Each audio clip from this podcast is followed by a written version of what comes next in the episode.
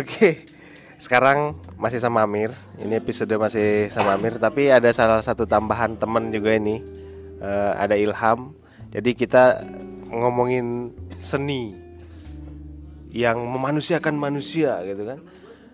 Tapi kita juga nggak bisa menafikan kalau masyarakat kita itu juga ada masyarakat religius ya. Iya. Jadi sering kali seni dibenturkan oleh agama gitu kan.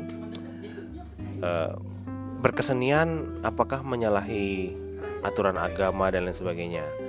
Nah ini teman kita ini Ilham dia datang dari Mesir. Jauh-jauh ya. Dari negeri para nabi ya. Tapi juga dikenal juga dengan Firaun ya. Masih ada monumennya. Seping, seping. Negeri dengan penuh seni juga. oh ya penuh Nah, seni ya ada kaitannya dadang. ya jadi ibaratnya ya nyambung lah kalau kita ngomongin tentang seni ya jadi eh, ingat am podcast ini bukan podcast pengajian ya bukan podcast Ustadz Abdul Somad bukan podcast Habib Rizik.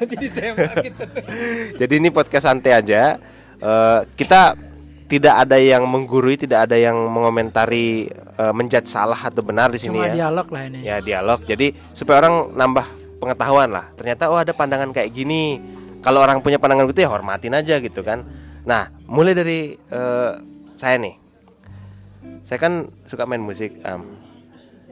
pemusik lah ibaratnya. Iya. Nah, dulu itu merasa gundah gitu ketika mendengar musik itu haram gitu kan. Wah, ini gimana ini kan? Sudah punya bass lagi itu kan. Masa setiap petikan nanti masuk neraka gitu kan? Masa dengar musik itu masuk neraka gitu. Nah, Amir dia Sama. seorang fotografer. Katanya Haram. haram. Jadi semua haram ini Am. Jadi Hasilnya haram semua. Oke, eh, ini saya nggak bertanya apa hukumnya, apa hukumnya gitu ya. Cuma menanya ada nggak pandangan semacam itu seperti apa lebih tepatnya? Am? Oke. Oke, bismillah. Biar lebih ada islamiknya kan. Jadi begini. eh, masalah bagaimana orang itu berpendapat musik itu atau seni hal yang berhubungan dengan seni itu merupakan suatu eh, yang haram.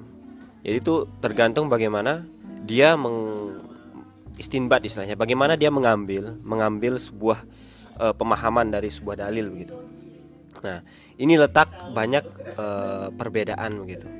Nah, kalau misalkan yang pendapat yang yang saya ambil begitu, yang misalkan bisa bisa dibilang pendapat yang lebih eh, relevan begitu, lebih bisa masuk ke eh, lebih melihat bagaimana eh, di situ bagaimana persatuan dan bagaimana kenyamanan dalam beragama. Beragama itu bukan suatu hal yang menyempitkan apa dalam kehidupan kita, kehidupan sehari-hari, namun suatu hal yang luas yang memiliki yang tidak hanya berbicara masalah halal haram, hanya bagi tidak hanya bicara bagaimana hubungan kita kepada eh, Tuhan begitu, tapi juga bagaimana hubungan kita kepada makhluk dan kepada diri kita sendiri.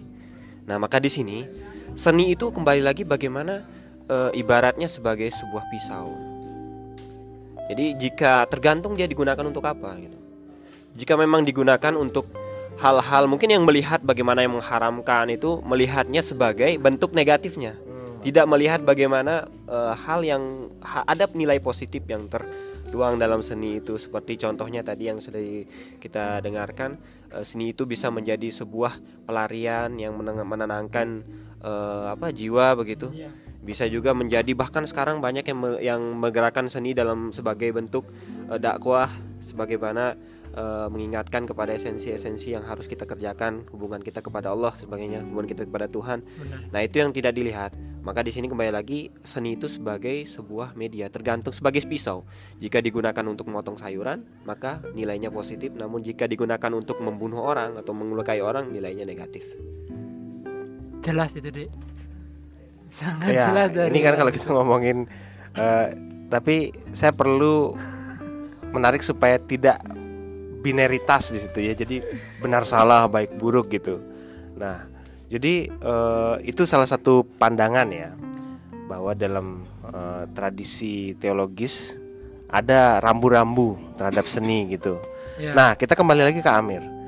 Eh, apa yang dilakukan Amir selama ini ya, memotret Kalau pengalamannya Amir pernah nggak menemukan eh, resistensi atau penolakan atau teguran atau ceramahan dari eh kamu itu haram loh yang kamu lakukan itu kamu salah gitu. Sebenarnya kalau teguran teguran dari segi apa ya dari segi orang-orang sekitar itu karena saya menganut agama Islam gitu otomatis ketika ada seorang perempuan lah yang tidak menutup auratnya pasti ada teguran. Pasti sangat ada tegurannya bahwa jangan foto orang kayak gini nanti dosanya melekat di kamu. Itu pasti ada teguran seperti itu. Pre-wedding pun saat bersentuhan itu sebenarnya banyak orang yang menegur kalau di kalangan kita sehingga dulu mengakalinya eh, pernah terpikirkan lah ide dulu pakai kain aja gitu. Dibatasi dengan kain gitu. Nah itu paling kontek-konteknya seperti itu. Tapi kalau kita ngomongin seni yang lain kayak seni lukis orang belajar lukis dia menggambar bentuk tubuh itu belajarnya itu dengan model itu tidak menggunakan apa pun. Jadi dia biar belajar bagaimana anatomi tubuh. Seperti mungkin kedokteran ada anatomi tubuh bentuk-bentuk posisi tubuhnya besar bagian tulang-tulangnya mungkin seperti itu yang dia gambarkan. Tapi kalau untuk dari segi masyarakat di sekitar saya kayaknya yang menegur itu hanya keluarga lebih Mengingatkan. lebih ya lebih mengingatkan ke bawah janganlah foto orang seperti itu. Janganlah foto padahal nggak kenapa-napa fotonya cuma berdiri cuma nggak pakai jilbab perempuan gitu misal seperti itu. Hmm. kenapa harus dimarah gitu?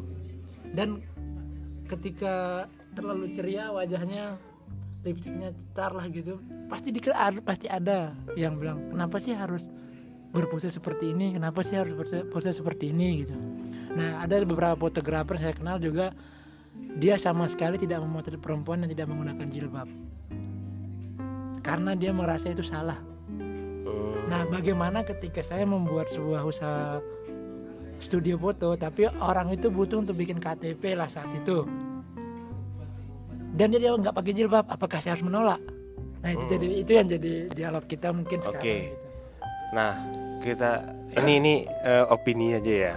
Opini dari kalau dalam bahasa agama itu opini orang awam, orang Ya, bodoh benar, lah benar, ya.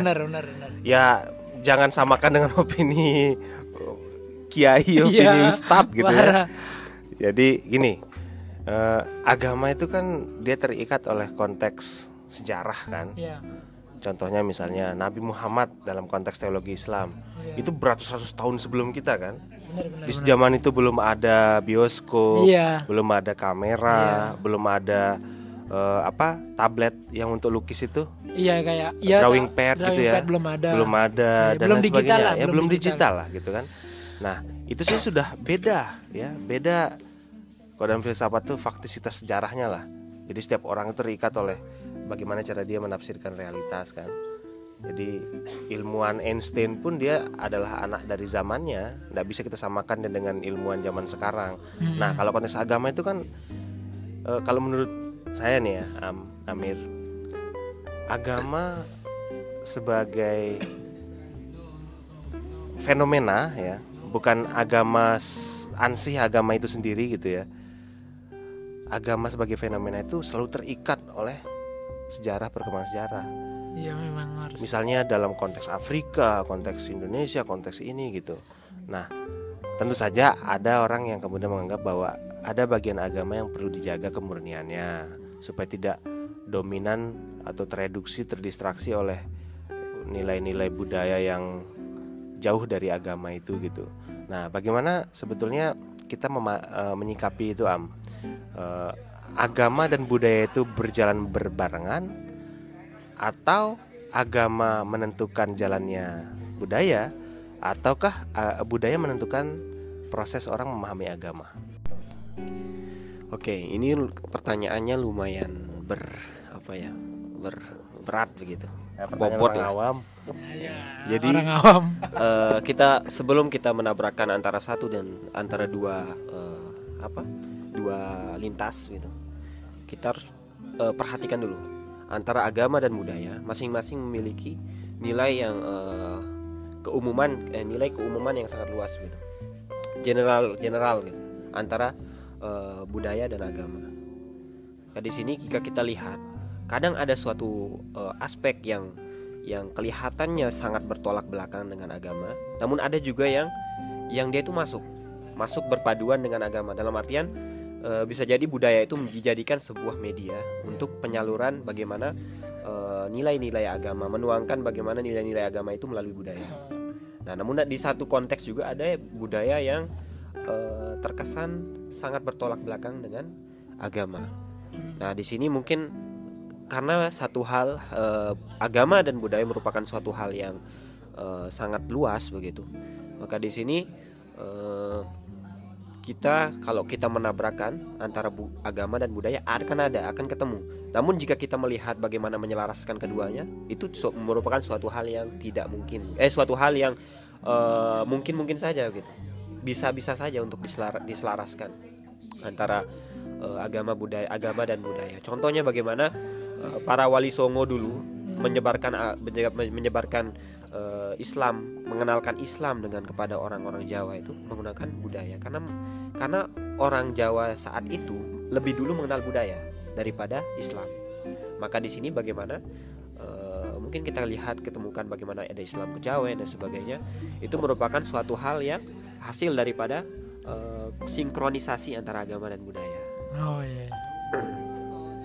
jadi ya seperti itu Eh, memiliki keteri, keterikatan namun kita tidak bisa uh, menggeneralisir bagaimana uh, hubungan bagaimana antara keterikatan antara agama dan budaya itu apakah bertentangan atau apakah dia selaras secara seutuhnya.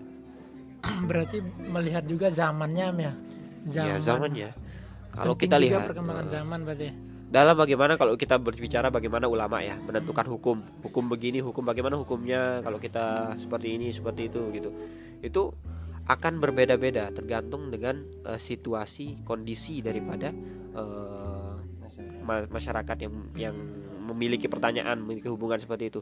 Makanya ada istilahnya uh, al-adah al-muhakamah namanya. Hmm. hukum adat istiadat itu mempengaruhi daripada hukum daripada hukum syariat gitu.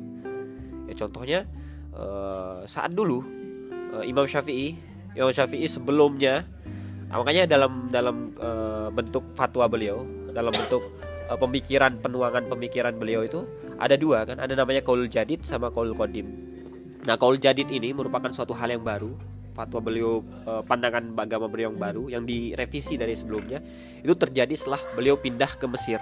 Ternyata budaya yang ditemukan di Mesir itu sangat-sangat berbeda dengan yang sebelumnya. Oh, iya, iya. Nah, jadi uh, dari sini uh, bisa kita lihat bisa kita ambil dalam aspek ini budaya uh, merupakan suatu hal yang uh, selaras dengan agama tergantung dalam konteks apa begitu.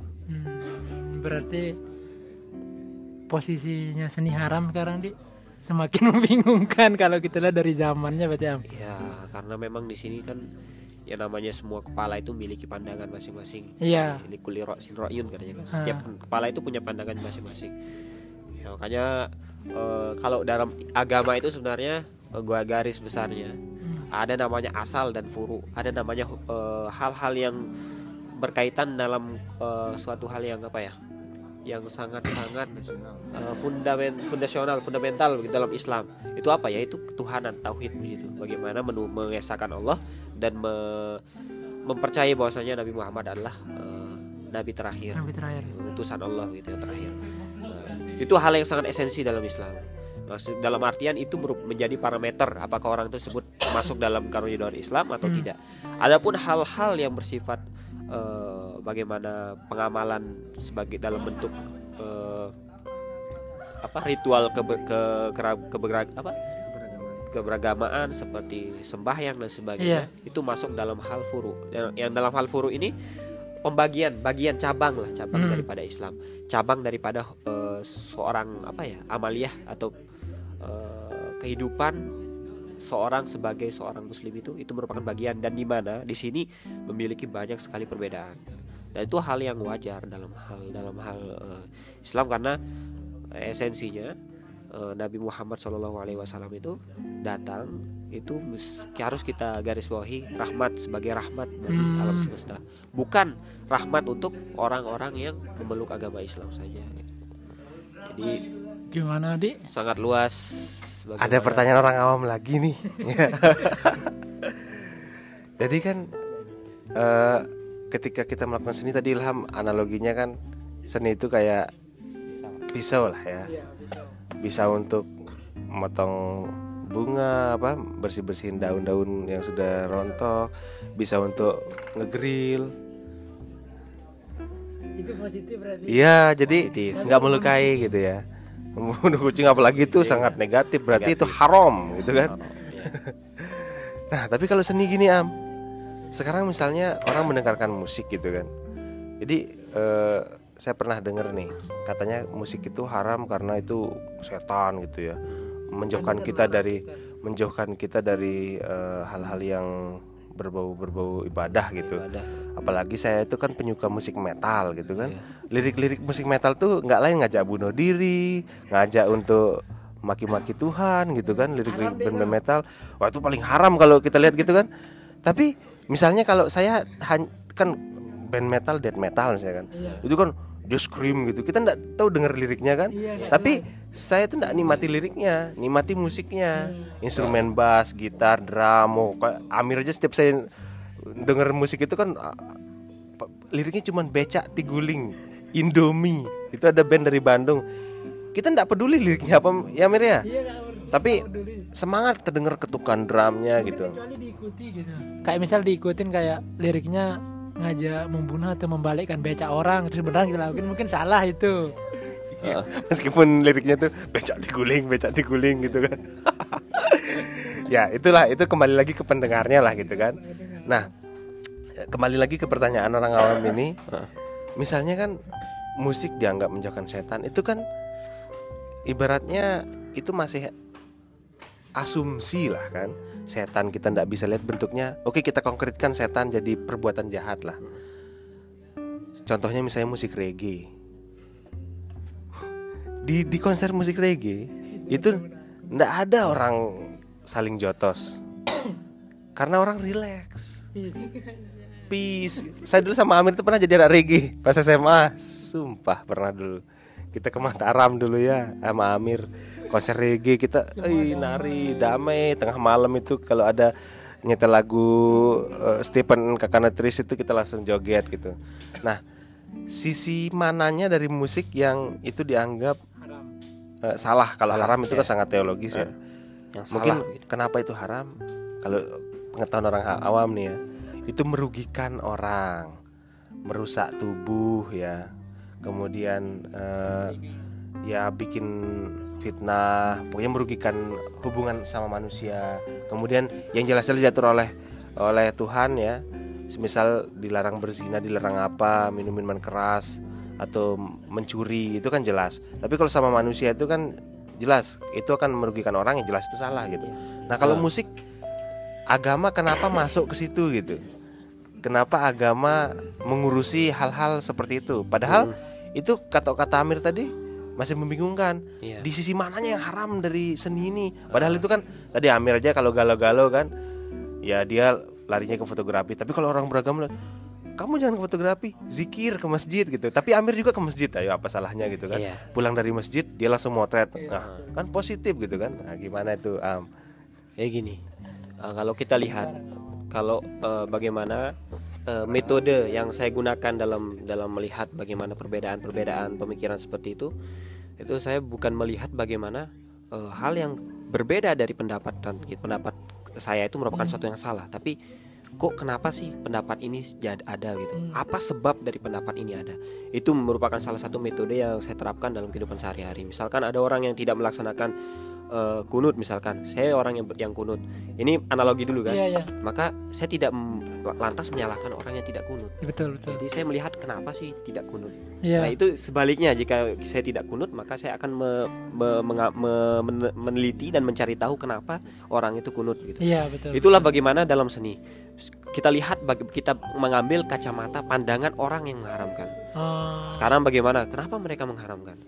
Nyata mere- mereka mengharamkan itu Pertama, eh, karena musik itu merupakan suatu hal yang berhubungan dengan dugem dan sebagainya. Oh. merujuk kepada negatif. Yang merajuk pasti ada identiknya dengan eh, minuman Budaya. keras. Nah, maka dari itu yang saya lihat bagaimana ulama-ulama terdahulu dalam mengambil pendapat itu mengambil meng- memanggil mengambil sebuah hukum atas suatu hal itu yang dilihat bukan gimana eh, musik itu, tapi yang dilihat bagaimana efek daripada Hmm. musik ini. Begitu juga dengan seni. Makanya kalau di kita lihat eh, kita ambil bagaimana dalil-dalil mereka yang mengharamkan seni rupa seperti lukisan itu alasannya memang ada hadisnya bagaimana janganlah engkau membuat suatu ciptaan yang sama dengan ciptaan Tuhan. Yang dalam artian eh, di situ e- efek yang dia yang di, yang dibuat berbahaya di situ bagaimana seorang membuat sesuatu Hmm. menganggap dirinya sebagai Tuhan begitu. Ya. Karena kita lihat bagaimana pada zaman dahulu, bagaimana Firaun yang walaupun di sini Firaun ini merupakan satu hal yang harus di apa? diluruskan, Iya. merupakan sebutan raja. Jadi tidak semua Firaun itu buruk. Firaun yang buruk itu adalah Firaun yang Ramses II. Jadi Hmm. yang Ramses II ini bagaimana dia menganggap dirinya Tuhan karena dia dia me- mengkiaskan atau mengambil apa? eh, analog menanadolikan bahwasanya apa yang disebut eh, sifat yang bisa disifatkan kepada Tuhan itu bisa ada juga pada saya begitu. Contohnya dia Hmm. mengatakan saya bisa oh, Tuhan itu bisa menghidupkan dan membunuh.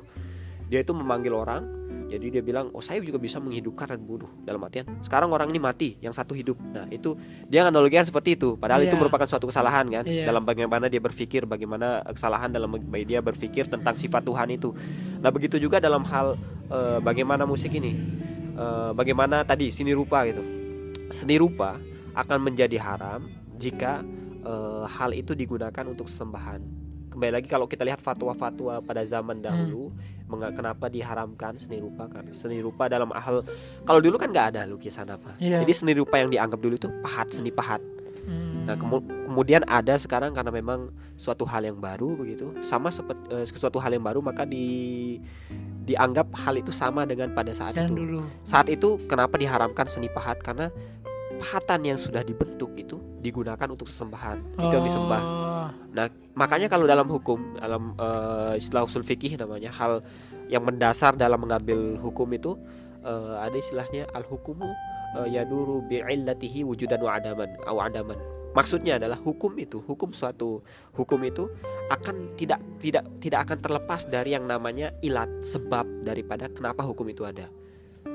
Jika kita menafikan hal ini, jika mereka orang-orang itu menafikan hal tersebut yang yang lebih kepada kontekstual, eh tekstual begitu, tekstual dalam memahami hadis tersebut, maka hadis yang mengatakan mengharamkan eh, merujuk kepada mengharamkan musik dan mengharamkan eh, seni rupa dan sebagainya, ya kita jika mereka eh, apa menafikan daripada teori yang tadi, maka mereka tidak akan menemukan cara bagaimana mengharamkan ganja. Karena ganja saat ini tidak ada pada zaman dulu. Kenapa ganja diharamkan? Yang dilihat adalah esensi sebabnya. Sebab ganja itu haram apa? Menghilangkan akal pikiran. Hmm. Nah, pada saat itu ada homer. Homer itu tidak ada apa? Nah, namun ganja juga kan kalau kita lihat dalam perspektif kedokteran ya ada juga Ada hal yang manfaatnya. iya. Jadi lebih hukum itu merupakan suatu hal yang Hakikat muncul hukum itu merupakan hakik eh, suatu hal yang muncul akibat suatu efek gitu efek atau eh, sebuah sesuatu hal yang timbul Hmm. timbul daripada eh, yang di objek yang dihukumi gitu Hmm. jadi itu merupakan salah satu dasar kenapa itu hukum itu ada gitu jadi eh, bukan kita merujuk kepada hal yang membuat hukum itu ada tapi apa yang ditimbulkan daripada objek itu objek yang dihukumi Hmm. Nah itu lebih kepada eh, situlah bagaimana kalau kita berbicara bagaimana ulama-ulama terdahulu mengambil istinbat istilahnya mengambil suatu hukum dari dalil-dalil Al-Quran maupun hadis sunnah. jelas itu deh berarti kan itu lukis zaman dulu kan ada lukis katanya ya, Ya. tadi ada lukis digunakan untuk membuat kembali apa yang diciptakan sama Allah gitu kan Iya. kayak pemandangan atau apa yang lebih nyata gitu. Heeh. nah tapi kalau fotografi kan nggak dibuat Ya ini Iya. juga salah pernah di pernah dibahas sama Nah, salah satu. jadi pertanyaan ini udah lama Heeh. eh, dari dulu am eh, di dosen-dosen yang kita Iya. diisi lah tahun 2015 itu pernah kita pertanyakan bahwa kan yang dipaharamkan itu orang yang melukis benda hidup Nah, terus ini pertanyaan ini baru terjawab yang dulu baru terjawab sekarang ini. Jadi pertanyaannya itu memang kita nanyanya kan fotografi itu nggak nggak ngelukis kita gitu. Kita mau motretin orang. Iya. Nah kalau zaman dulu kan mungkin belum ada kamera yang se- Sebenarnya kayak sama dia. sekarang. Kalau ada satu ada salah satu guru besar di Hmm. Al Azhar namanya Profesor Dr. Muhammad Salim Abu Asi salah satu guru tempat saya mulazamah begitu Hmm. tempat saya rajin ikut dalam hal eh, talaki istilahnya, Iya. seperti majelis yang duduk yang kayak eh, apa orang-orang di mahat gitu. Iya. Nah, jadi eh, disclaimer mahat itu seperti apa ya seperti majelis-majelis ilmu Iya, lah. pondok Ya, lah. Pondok majelis ilmu yang eh, apa? Kita mendengar daripada seorang guru Iya. yang duduk di atas kita di bawah duduk bersila membuka kitab ya, Iya. seperti itu. Disclaimer dikit. Nah, jadi beliau mengatakan begini, sebenarnya lukisan sama fotografer foto itu sama dia dalam artian melukis itu itu dia me- melihat eh, itu lukisan itu ada dua kemungkinan kan Iya. Lima dia itu eh, kemungkinan pertama dia itu melihat, mencontoh, melukis apa yang dia lihat atau melukis apa yang dia pikirkan, apa Hmm. Iya. yang dia gambar yang digambarkan dalam pikirannya. Maka dalam hal dalam hal ini itu beru- bukan merupakan suatu hal menciptakan suatu hal yang baru. Iya makanya itu. Tapi dia menjiplak dalam artian me, me- bukan menjiplak kan menjiplak mungkin lebih ya lebih Eh, ngopi gitu. mungkin dia mem- bagaimana mem- menuangkan apa yang, Yang dia, dia lihat, atau apa yang dia pikirkan dalam, Dalam kertas gambar. itu dalam Iya. dia di- bagaimana dia merealitaskan lah Iya. gambaran itu nah itu sama dengan foto Iya, foto benar. itu dia me- mengambil suatu hal ya jadi kalau dalam hal ini itu bukan kalau pendapat beliau itu bukan merupakan menciptakan suatu hal yang baru Wow, dalam artian yang menyamakan yang membuat dia itu sama dengan Tuhan begitu Iya. Hmm. Wih, udah terjawab ini Adik. Kegundahan dua orang seniman tersesat bertanya kepada Ustadz. Itulah judul episode ini. biar aman biar aman di akhir kita Allah taala ala wa bala- wa a'lamu bisawab Allah yang paling mengetahui lah bagaimana ininya kita ya Oke, tadi kan saya sudah disclaimer kan. Ini pertanyaan awam. Ya, ya. Jadi ini untuk yang mendengarkan eh, agama mendikte seniman atau seniman mempengaruhi orang-orang agamawan supaya pikiran terbuka. Saya nggak menyebut liberal ya. Oke, terima kasih eh, Ustadz Ilham dan seniman tersesat yang satunya.